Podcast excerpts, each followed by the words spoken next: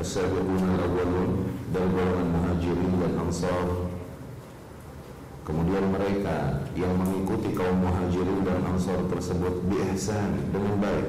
Yakni mengikuti konsep beragama mereka ya. Mengikuti metode beragama kaum muhajirin dan ansar. Itulah orang-orang yang Allah ridha kepada mereka radhiyallahu anhum ridha yakni cinta.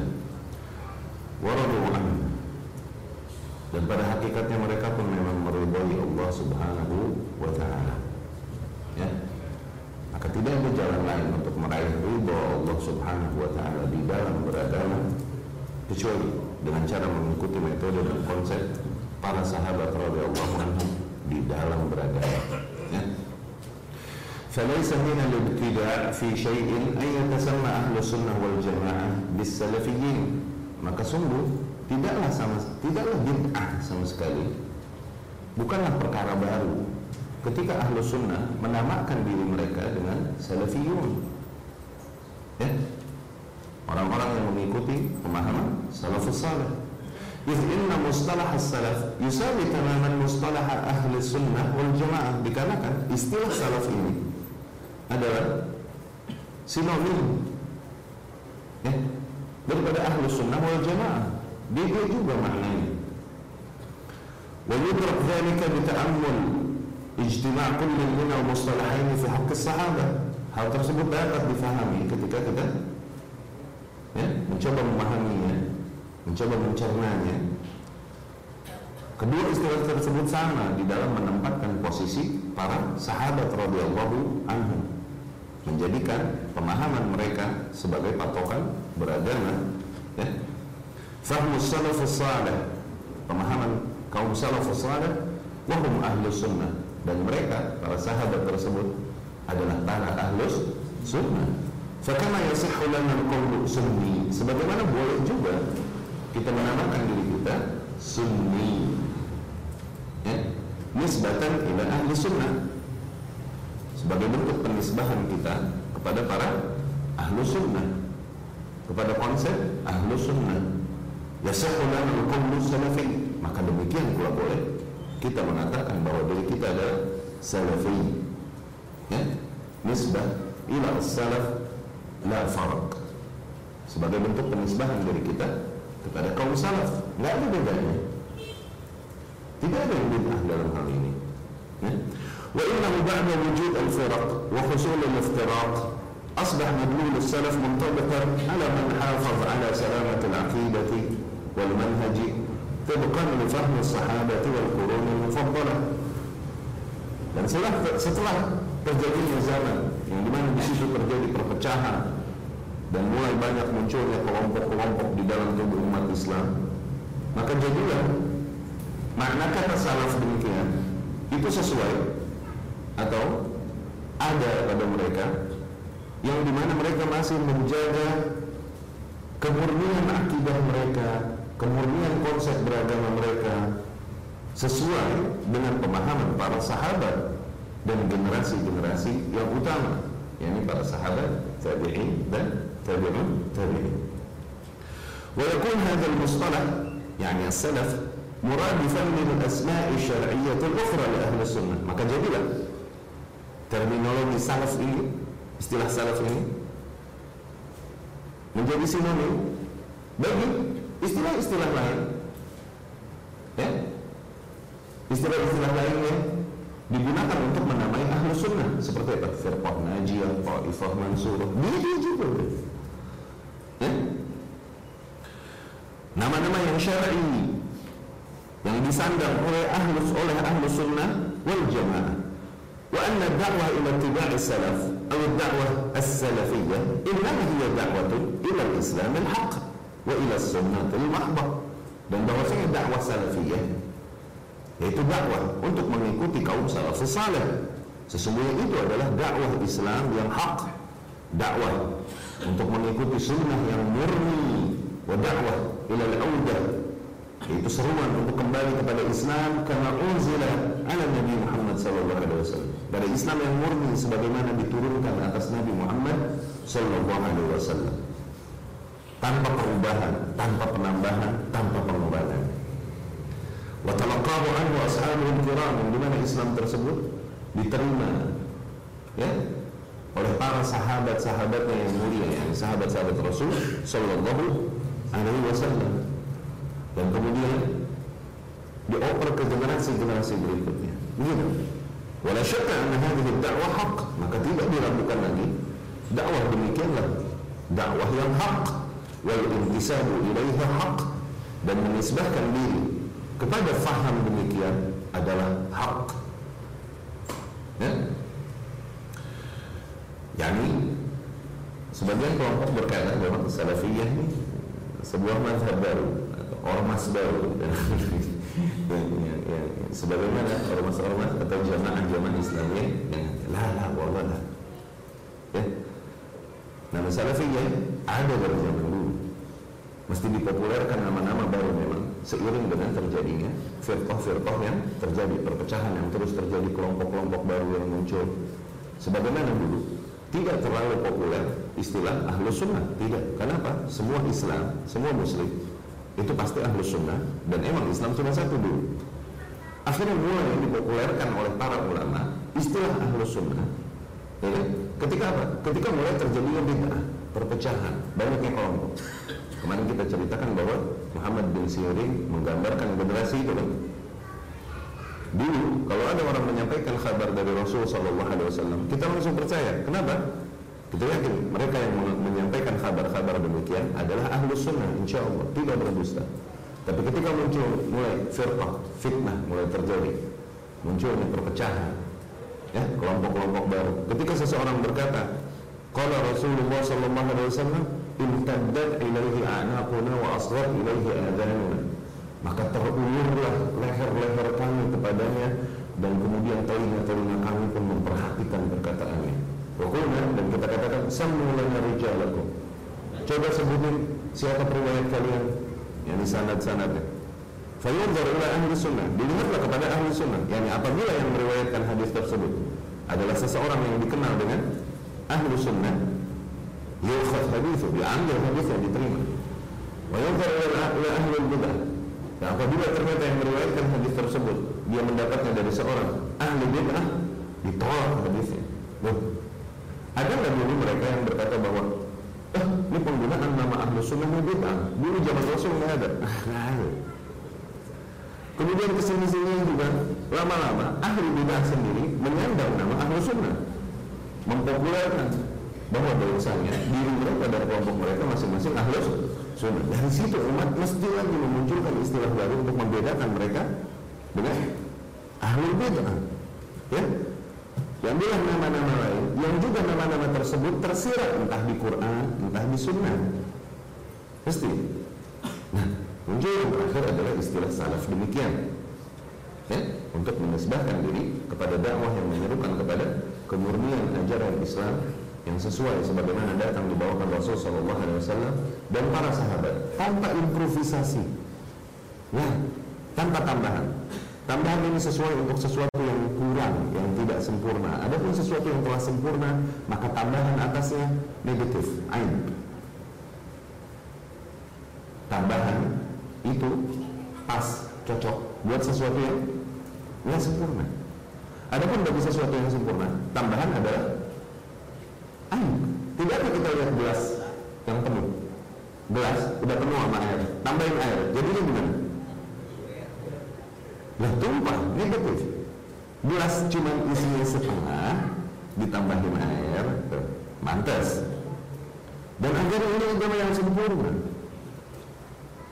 Allah berfirman, akmaltu lakum dinakum. Aku telah sempurnakan bagi kalian agama. Maka nggak perlu tambahan. Nggak perlu tambah ya يقول شيخ الإسلام ابن تيمية رحمه الله لا عيب على من أظهر مذهب السلف وانتسب إليه sungguh tidak ada aib sama sekali bagi mereka yang menampakkan madhab salafnya dan menisbahkan dirinya kepada madhab tersebut nggak ada aib sama sekali أو اعتز إليه بل يجب قبول ذلك منه bahkan hal tersebut wajib untuk diterima yang benarnya mazhab salafus salih ini adalah sebuah kewajiban bagi kaum muslimin untuk menerimanya pada dasarnya justru. Fa'inna melihat salaf la yakunu illa haqqan. dikenakan konsep mereka kaum salaf ini sungguh tidak lain adalah hak. Tidak lain madhab mereka adalah hak. Sebagaimana tazkiyah yang disampaikan oleh Allah Subhanahu wa taala rekomendasi Allah bagi para sahabat tersebut yang terdapat di dalam banyak ayat atau sunnah-sunnah Rasul Sallallahu Alaihi Wasallam yang telah kita sebutkan sebagiannya. وقد كان لأئمة الإسلام من أهل السنة الأثر الكبير في الدعوة إلى السنة dan sungguh para imam-imam Islam dari golongan ahli sunnah ya, memiliki catatan-catatan ya, asar jejak-jejak mereka sangat banyak yang di mana mereka menyerukan manusia kepada sunnah. Wal audah ila tariqatis salaf. Di mana mereka para imam-imam kaum muslimin menyeru kaum muslimin untuk kembali kepada konsep salaf manhaj mereka dan mengikuti mereka yakni mengikuti salafus salih di dalam beragama. Wa min haula al a'immah dan di antara para imam tersebut adalah Malik yakni Ibnu Anas.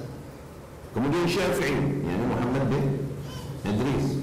Wa Ahmad yakni Ibnu Muhammad Ibnu Hanbal وابن خزيمة وابن أبي عاصم والأسبحاني والآجري وغيرهم ثم شيخ الإسلام ابن تيمية وتلاميذه kemudian Syekhul Islam Ibn Taimiyah dan para murid-muridnya Ibnu Qayyim seperti misalnya Ibnu Qayyim Al-Jauziyah Ibnu Abdul Hadi Ibnu Kathir Az-Zahabi ini semua produknya Ibnu Taimiyah rahimahullah itu luar biasanya Ibnu Taimiyah rahimahullah Oke, murid-muridnya menjadi imam-imam besar. Itu Ibnu Taimiyah rahimahullah sangat produktif mencetak ulama. Ibnu Taimiyah rahimahullah Ibnu Ibnu Katsir Zahabi rahimahullah cerita kalau saja dia bicara nahu kalau saja dia bicara nahu maka kau akan berkata demi Allah aku tak pernah menemukan seseorang lebih jago nahu daripada dia kalau dia bicara hadis maka seseorang akan berkata demi Allah aku tak pernah menemukan seseorang lebih berilmu dalam hadis daripada dia. Ngomong tafsir begitu ngomong hadis begitu ngomong fikih begitu. Tapi emang hidupnya habis-habisan dipakai buat akidah. Untuk membela akidah menghantam ahli bid'ah membantah mereka merad mereka. Tuh habisnya buat itu. Allah persiapkan dia untuk itu rahimahullah sehingga nggak ada akhirnya tulisan mungkin tafsir Ibnu Taimiyah fikih Ibnu Taimiyah itu nggak nggak banyak. Tapi banyak di akid di akidah. Dan di antara akidah yang paling fokus di tauhid asma wa sifat. Itu Ibnu Taimiyah. Kenapa? Karena penyimpangan pada masa itu banyak di sebelah situ. Ibnu Taimiyah Allah jadikan memang untuk menghantam itu semua rahimahullah. Ya? Ahmad bin Abdul Halim rahimahullah sama Syekhul Islam Muhammad bin Abdul Wahab. Demikian pula Syekhul Islam Muhammad bin Abdul Wahab wa a'immatud da'wah min dan para imam-imam dakwah setelah Muhammad bin Abdul Wahab. Mimma adda ila zuhur ittijah salafiyyin ala marru tarikh. Yang ini semua ya, menimbulkan pengaruh terarahkannya manusia kepada konsep atau metode pola pikir ya gaya salaf sepanjang sejarah dakwah-dakwah mereka ini semua ya يستقي أسس دينهم وعقيدتهم من كتاب الله وسنة رسوله صلى الله عليه وسلم yang dimana mereka mengambil dasar-dasar agama mereka dan akidah mereka hanya dari kitab Allah dan sunnah Rasulnya sallallahu alaihi wasallam wasirat salaf salih dan juga dari perjalanan kehidupan para kaum salafus salih wa yaqawil kulla tayyarin bid'iyyin di mana mereka senantiasa menentang mengingkari semua pemikiran-pemikiran baru yang bid'ah ya.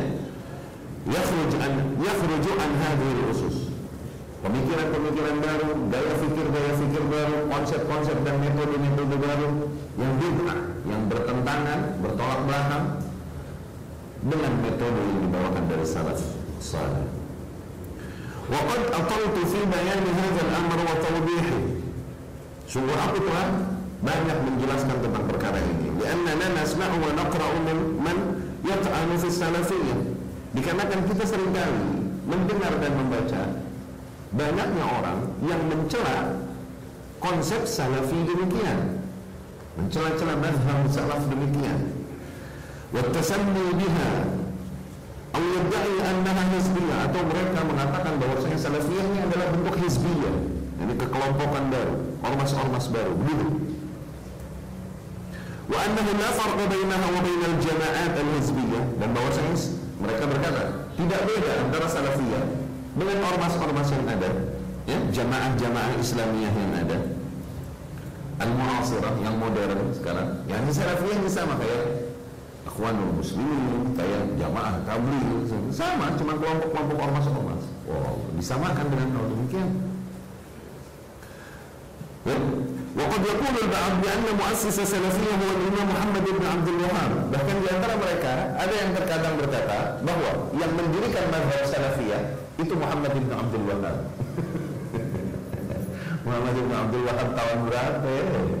Istilah salaf tahun berapa ya? Ada lagi yang lucu bilang, Imam Syafi'i ini Ash'ari. Imam Syafi'i tahun berapa tahun? Abu Hasan al Ash'ari tahun berapa? Hmm? Iya. Lucu. Ada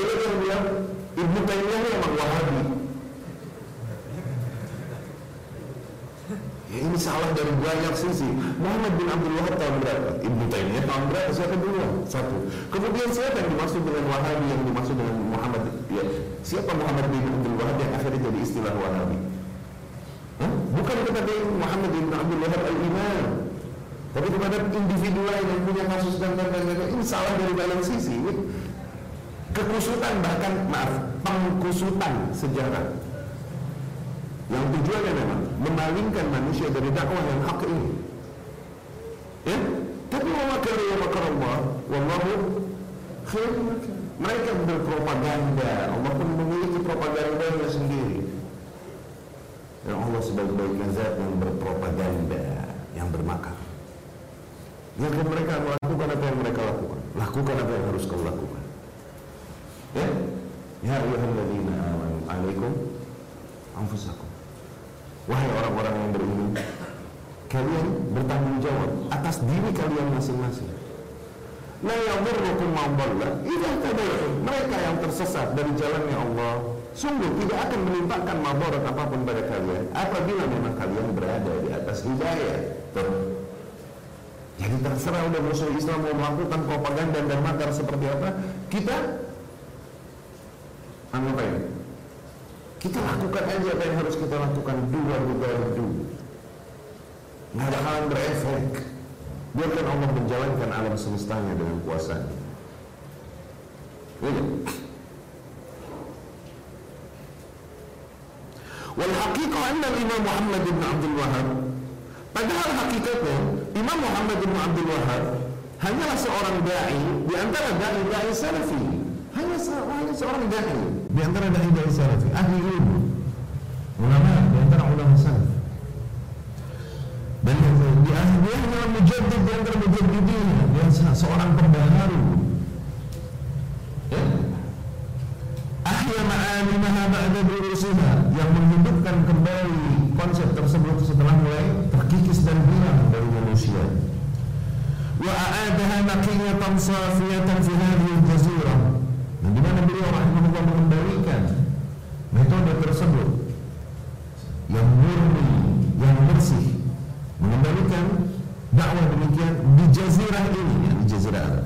Ba'da mataqaddar safruha setelah terkeruhkan nah, setelah menjadi kotor sebelumnya terkeruhkan oleh bid'ah-bid'ah kesyirikan yang terjadi di jazirah Arab pada saat itu.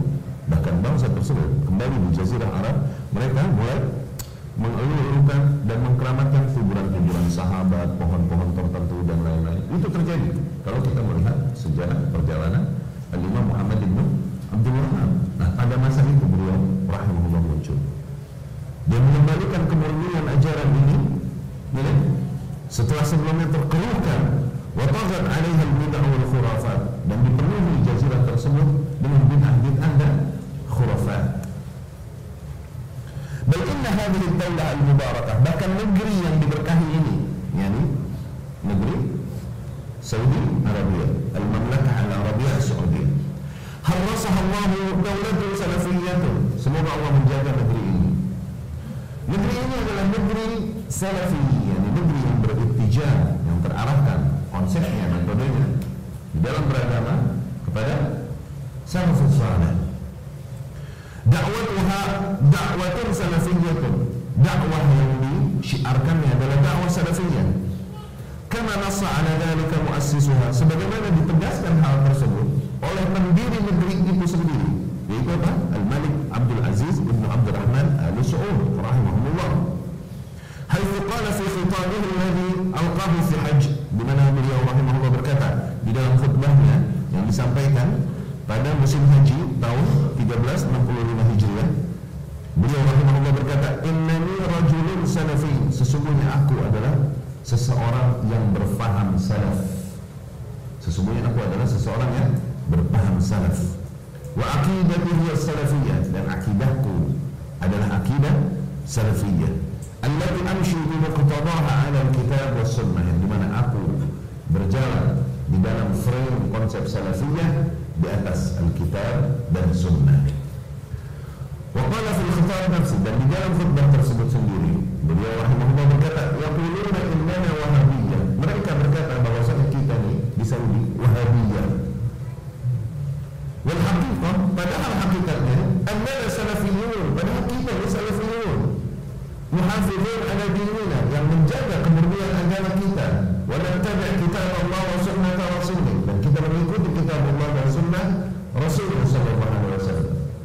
bainana wa bainal muslimin illa kitab Allah wa sunnah rasulih sallallahu alaihi wasallam sungguh tak ada hal lain antara dengan kaum muslimin kecuali kitab Allah dan sunnah Rasulullah sallallahu alaihi wasallam maka kerajaan ini berdiri di atas Islam yang hak yang dibangun di atas kitab Allah dan sunnah Rasulullah sallallahu alaihi wasallam yang sesuai dengan pemahaman salaful ummah.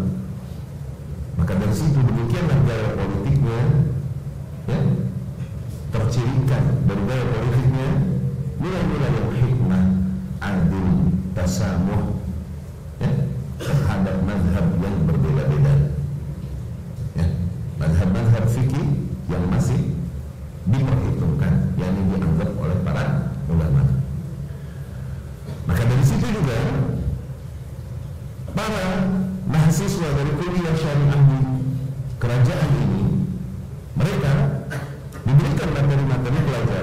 fikih a'immah arba'ah. Semua imam empat imam.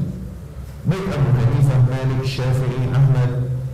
Terutama di Jami'ah Islamiyah di Madinah. Lianna khilaf dikarenakan pada hakikatnya perbedaan Baina hadhil madhab Perbedaan yang terjadi di antara madhab-madhab fikih tersebut. Itu bukanlah perbedaan akidah Bukanlah perbedaan usul Bukanlah perbedaan metode yang mendasar konsepnya Bukan, bukan perbedaan mereka hanya pada furu' fiqhiyah detail teknis fikih. Ya. Malik Abdul Aziz rahimahullah King Abdul Aziz rahimahullah berkata Walladhi namshi alaihi huwa tariqus salaf. Yang di mana kita berjalan di atasnya adalah metode salafus salih. Tidaklah kita mengkafirkan se seorang pun di antara kaum muslimin kecuali memang telah dikafirkan oleh Allah dan Rasulnya sallallahu alaihi wasallam. Sungguh tak ada mazhab yang hak kecuali mazhab salafus salih. Ya, tidak ada metode yang hak di dalam beragama kecuali kecuali metode mereka, metode para salafus salih. Dan tidaklah kita menguatkan menyuruh manusia kepada mazhab-mazhab tertentu dan menafikan mazhab yang lain di dalam fikih tidak dikarenakan Abu Hanifah yang imam Hanafi namanya Nu'man ibnu Sa'd. Wa Malik dan Imam Malik bin Anas wa Syafi'i wa Ibnu Hanbal a'immatuna. Mereka semua tersebut adalah para imam-imam kami. Mereka berada di atas konsep dan metode yang sama semuanya. Kalaupun sampai perbedaan yang ada pada mereka perbedaan di dalam masalah detail, teknis, praktis yang berkaitan dengan praktek fikih, furu' fikih. Konsep di dalam akidah semuanya sama. Konsep di dalam metode beragama secara umum semuanya sama. Ya? Semuanya di atas sunnah, semuanya di atas sunnah eh, sunnah dalam makna ini artinya apa? al-hadyu al-am pedoman umum alaikum bisunnati kalian harus berpegang teguh kepada sunnahku dan sunnah para khulafa ar-rasyidin nah sunnah di sini artinya apa? yang di Qobliyah Ba'diyah puasa Senin Kemis sunnah per kasus fikih begitu sunnahnya apa? sunnah di sini adalah metode umum pedoman umum di dalam beragama al-hadyu al-am bahasa lainnya manhaj ya konsep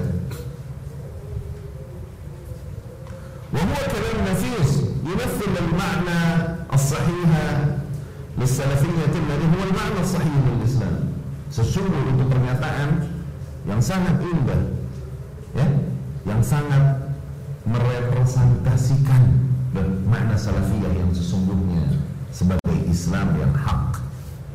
Wa fi hadhihi al dan di akhir-akhir ini, yakni masa-masa sekarang, zaman kiwali, zaman now, oke? Okay? وفي هذه الآونة يتعرض الإسلام عموما والمملكة العربية السعودية والدعوة والسلفية خصوصا di masa-masa akhir ini ya Islam terancam khususnya kerajaan Saudi Arabia atau dakwah salafiyah sedang terancam pada dusta-dusta yang dibuat okay, dan kezaliman dan pengkaburan makna pengkaburan hakikat ya.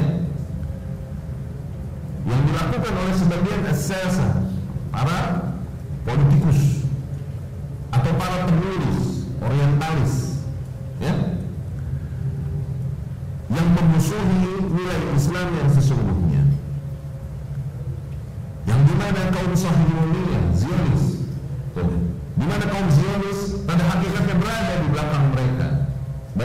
sadari ataupun tidak. Mereka ditunggangi, diarahkan untuk memusuhi dakwah yang hak ini oleh Zionis, oleh Yahudi. Ya, permusuhan Yahudi tidaklah lagi aneh karena Allah sendiri yang menegaskan di dalam kitabnya walau tarda anfal yahudi walan nasara hatta tattabi'a millatahum sungguh takkan pernah rela bakalan puas kaum Yahudi dan Nasrani sehingga kalian meninggalkan agama kalian dan mengikut agama mereka. Ya?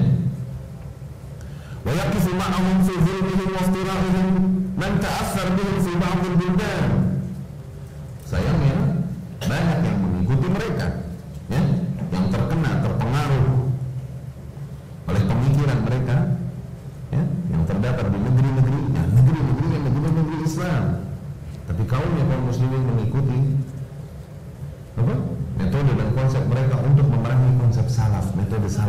sebelumnya.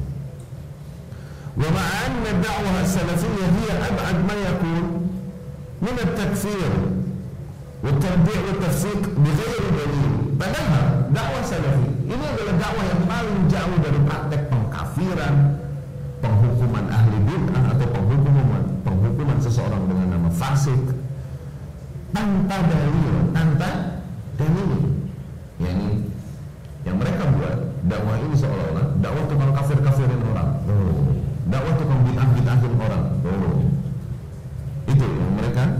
Kesannya dengan tulisan-tulisan mereka ceramah-ceramah mereka ungkapan-ungkapan mereka yang dengan itu mereka mengkaburkan hakikat dakwah salafiyah yang sesungguhnya padahal dakwah ini paling jauh dari kafirin orang. Paling jauh dari kafirin orang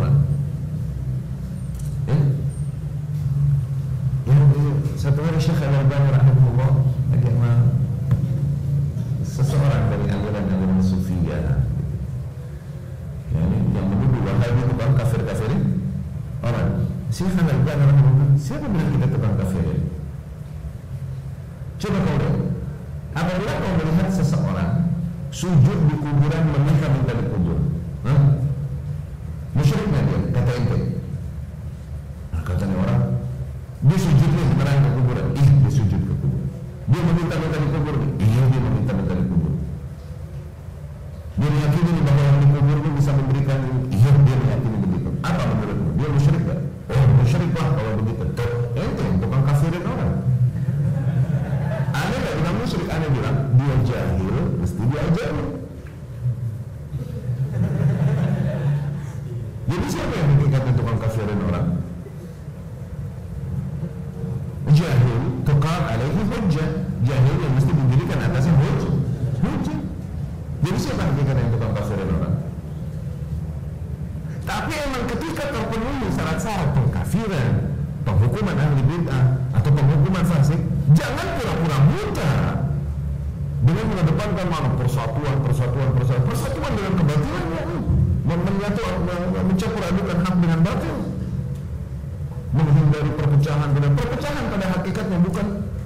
dalam jumlah pecah. Bukan bukan. Perpecahan pada hakikatnya ketika seseorang menjauhi kebenaran dan mengambil kebatilan maka ia telah melakukan perpecahan. Tuh. Namun apabila seseorang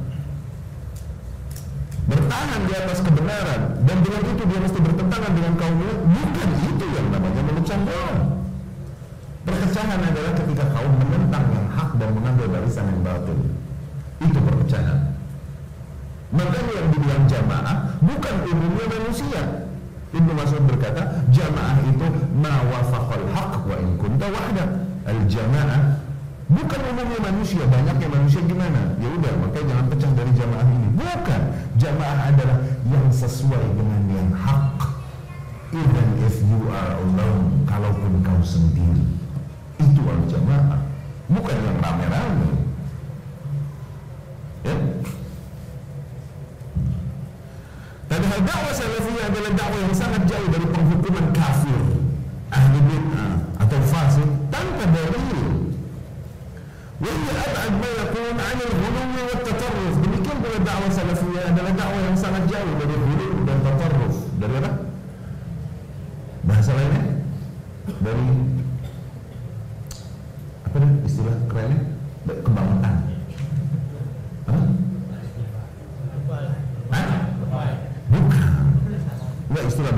Indonesia kerennya bukan Hah? ya itu Ya? Dakwah ini adalah dakwah yang sangat jauh dari sifat hulu berlebihan dan tataruf ekstrim itu ekstrim. Illa anna hadhihi ad-da'wah al-mubarakah ulfiq biha ma laysa fiha. Tetapi memang dakwah ini sering kali dituduhkan padanya perkara-perkara yang padahal tiada padanya. Oh, emang terjadi nih.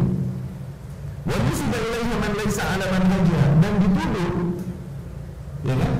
Beberapa tokoh tertentu yang menyimpang. Dituduh bahwa dia berada di atas konsep salafi yang padahal dia menyimpang. Dituduh dan disamakan dengan salafi wahabi ini.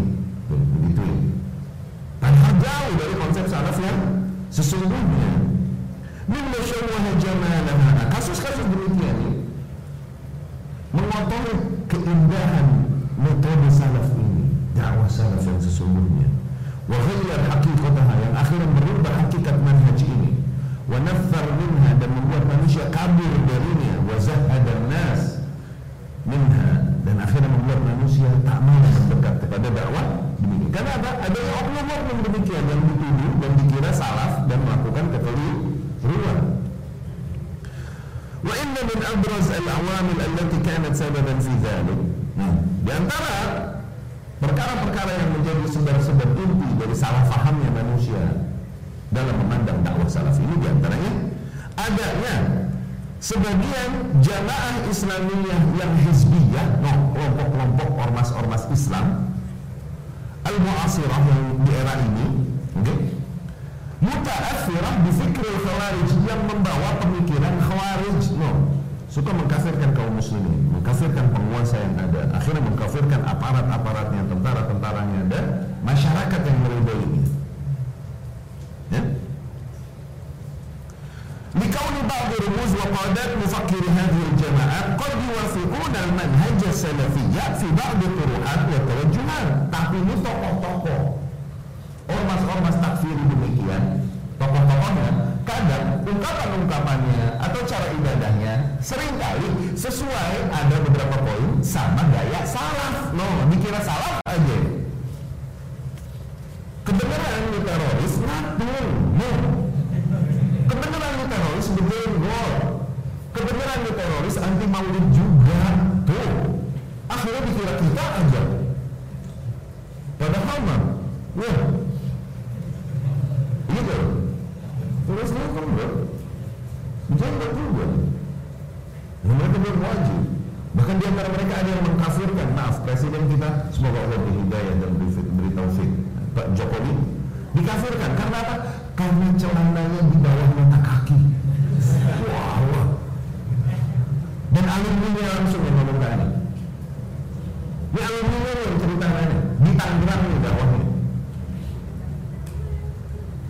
Jokowi. Kenapa? Karena dosa besar. Kenapa? Celananya ngengser. Celananya ngengser. Segala barang furul fikih Ibu Taimiyah kafir dong kalau gitu. Kenapa? Dia bilang gak haram. Tuh. Tapi anti bid'ah juga. Orang-orang demikian yang punya pemikiran khawarij, ormas-ormas yang punya pemikiran khawarij, dalam ibadahnya sering kali anti bid'ah juga, bro. Tuh, tahlilan kagak juga dia tuh. Menghidupkan enggak juga. Kadang sholatnya begini juga tuh. Nah, mirip bungkusnya sedikit lebih mukanya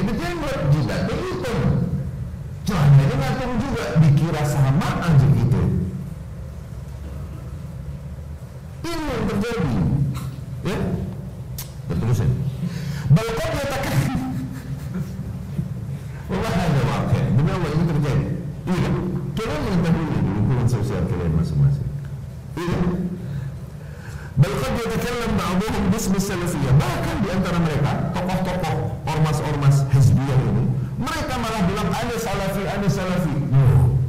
Mereka menyebut mereka salah tapi di satu sisi dia mencela-cela penguasa, di satu sisi dia menghalalkan demonstrasi, di satu sisi dia mengatakan bolehnya menggulingkan penguasa. Tapi dia bilang ada salafi. Iya kan? Yang lagi semangat-semangatnya nyentut ilmu, apa aja ditelan, iya kan? Asal ada di YouTube, ditelan. Uh, ini Masya Allah yang kayak gini. Dan gayanya pakai gaya Abdullah bin Sada. Allah gayanya pakai Abdullah bin Sada. Gaya Abdullah bin Sada tuh dia berpesan nih waktu masa fitnah, waktu mau menggulingkan Utsman bin Affan radhiyallahu anhu, dia berpesan kepada para followersnya, pengikutnya. Tampakkan pada manusia akhlak yang sangat mulia pada kalian. Dengan itu kalian membuat manusia condong pada kalian. Setelah manusia condong, selipkan celaan kepada penguasa yang ada. Tuh, gaya lama nggak sebenarnya? Gaya lama. Cuma di antara manusia ada yang membuka sejarah dan menangkap pattern, pola yang Allah dengan itu menjalankan alam semestanya sehingga dia bisa membaca kondisi. Ada di antara mereka yang berpaling, tidak beriman kepada kitab Allah, sunnah Rasul dan asar yang datang dari salaf tapi beriman kepada berita-berita medsos. Ya, dengan mudah ditunggangi, diarahkan ke mana pun oleh mereka yang menguasai media tanpa disadari. Ya? Bahkan tokoh-tokoh ormas-ormas hizbi takfir ini sering kali ngaku-ngaku juga salah. Padahal suka zat mereka tidak demikian. Mimma ja'ala al-amra yaltabis 'ala al-kathir min an-nas alladhina qad tafa 'alayhim al-haqiqatu dhannan minhum anna hadhihi al-jama'at salafiyyah. Akhirnya semakin ribatlah manusia dan semakin kegellah mereka dalam menilai yang mana yang salafi. Semakinlah mereka salah faham dalam menilai konsep metode dakwah salafiyah yang sesungguhnya. Awal al-fikr al-wahabi kama yahmulu atau mereka minimal mengira bahwa kelompok ormas demikian ini pemikirannya wahabi itu. Itu teroris ini pemikirannya memang wahabi. Itu. Ini udah kusut ke mana-mana sebenarnya udah kejauhan ke mana-mana salah dari banyak sisi ini wa innaka la ta'jabu mimma yusammi al-jama'at al-hizbiyyah bil jama'at as-salafiyyah al-jihadiyyah sesungguhnya kau akan kaget apabila mendengar sebagian orang okay, yang mengatakan sebagian jamaat Islamiyah ormas-ormas Islam pergerakan-pergerakan ini sebagian orang ada yang menamai ormas demikian jamaat salafiyah jihadiyah katanya gitu pakai jihadiyah. Kenapa? Bungkusnya sama kayak salafi, cuma bedanya ini jihad. Dan salafi yang ada yang ini pada ngaji doang,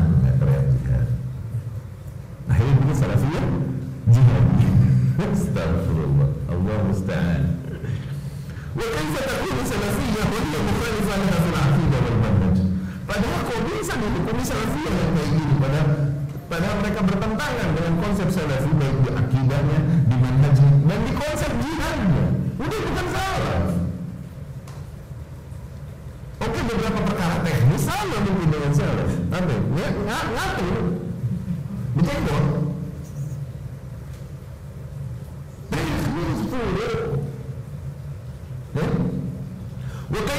وكيف تكون جهادية والمعنى الشرعي الصحيح للجهاد منتف عن هذه الجماعة Kok bisa dibilang jamaah tersebut jihadiyah padahal makna syar'i atas makna jihad yang sesungguhnya itu tidak ada pada kelompok itu. Syarat-syarat dan makna syar'i jihad sesungguhnya tidak terpenuhi pada kelompok-kelompok itu. لعدم توفر الشروط الصحيحة للجهاد في هذه الجماعة dikarenakan tiadanya tiada terpenuhinya syarat-syarat jihad pada ormas-ormas tersebut. Wa innal ibrah hiya bil haqa'iq wal ma'ani la bil alfaz wal musammayat. Sesungguhnya nilai nilai yang sesungguhnya diambil dari hakikat dan makna bukan dari redaksi dan istilah. Nah ada urusan redaksi dan istilah lihat hakikatnya apa. Maknanya kayak gimana Kayak gaya Imam Syafi'i rahimahullah Muhammad bin Idris dia dituduh Rafidah beliau rahimahullah dituduh Ra Rafidah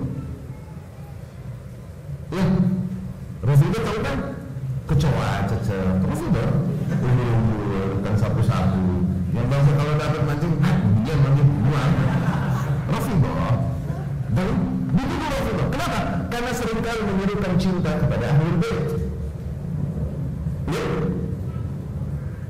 Padahal di antara konsep ahli sunnah adalah memang menegaskan kewajiban cinta kepada ahli ahli bait. Akhirnya Imam Syafi'i bilang rahimahullah, "In kanat ar-rafd hubbu ahli bait, falyashhad thaqalan anni rafidi." Apabila yang namanya rafidah maksudnya adalah mencintai ahli bait, maka agar para jin dan manusia bersaksi menyaksikan bahwa aku adalah seorang rafidah. Boom. Maknanya apa? Apalah arti nama dan merek? Hakikatnya, hakikatnya apa? Baik, sekarang begitu. Apabila yang namanya Wahabi yang kalian bilang Wahabi adalah yang sesuai dengan Quran, Sunnah yang murni sesuai dengan pemahaman salafus saleh, di mana mereka tidak berakidah kecuali akidah yang sesuai datang dari Rasul dan sahabat. Tidak yang melakukan ritual kecuali ritual yang datang dari Rasul dan para sahabat. Apabila yang namanya Wahabi adalah kayak gitu, maka agar para jin dan manusia bersaksi bahwa kami Wahabi. Kalau itu kalau maksud dengan gitu. apalah artinya merah gitu? Ibrah itu pada hakikat dan makna, bukan pada redaksi dan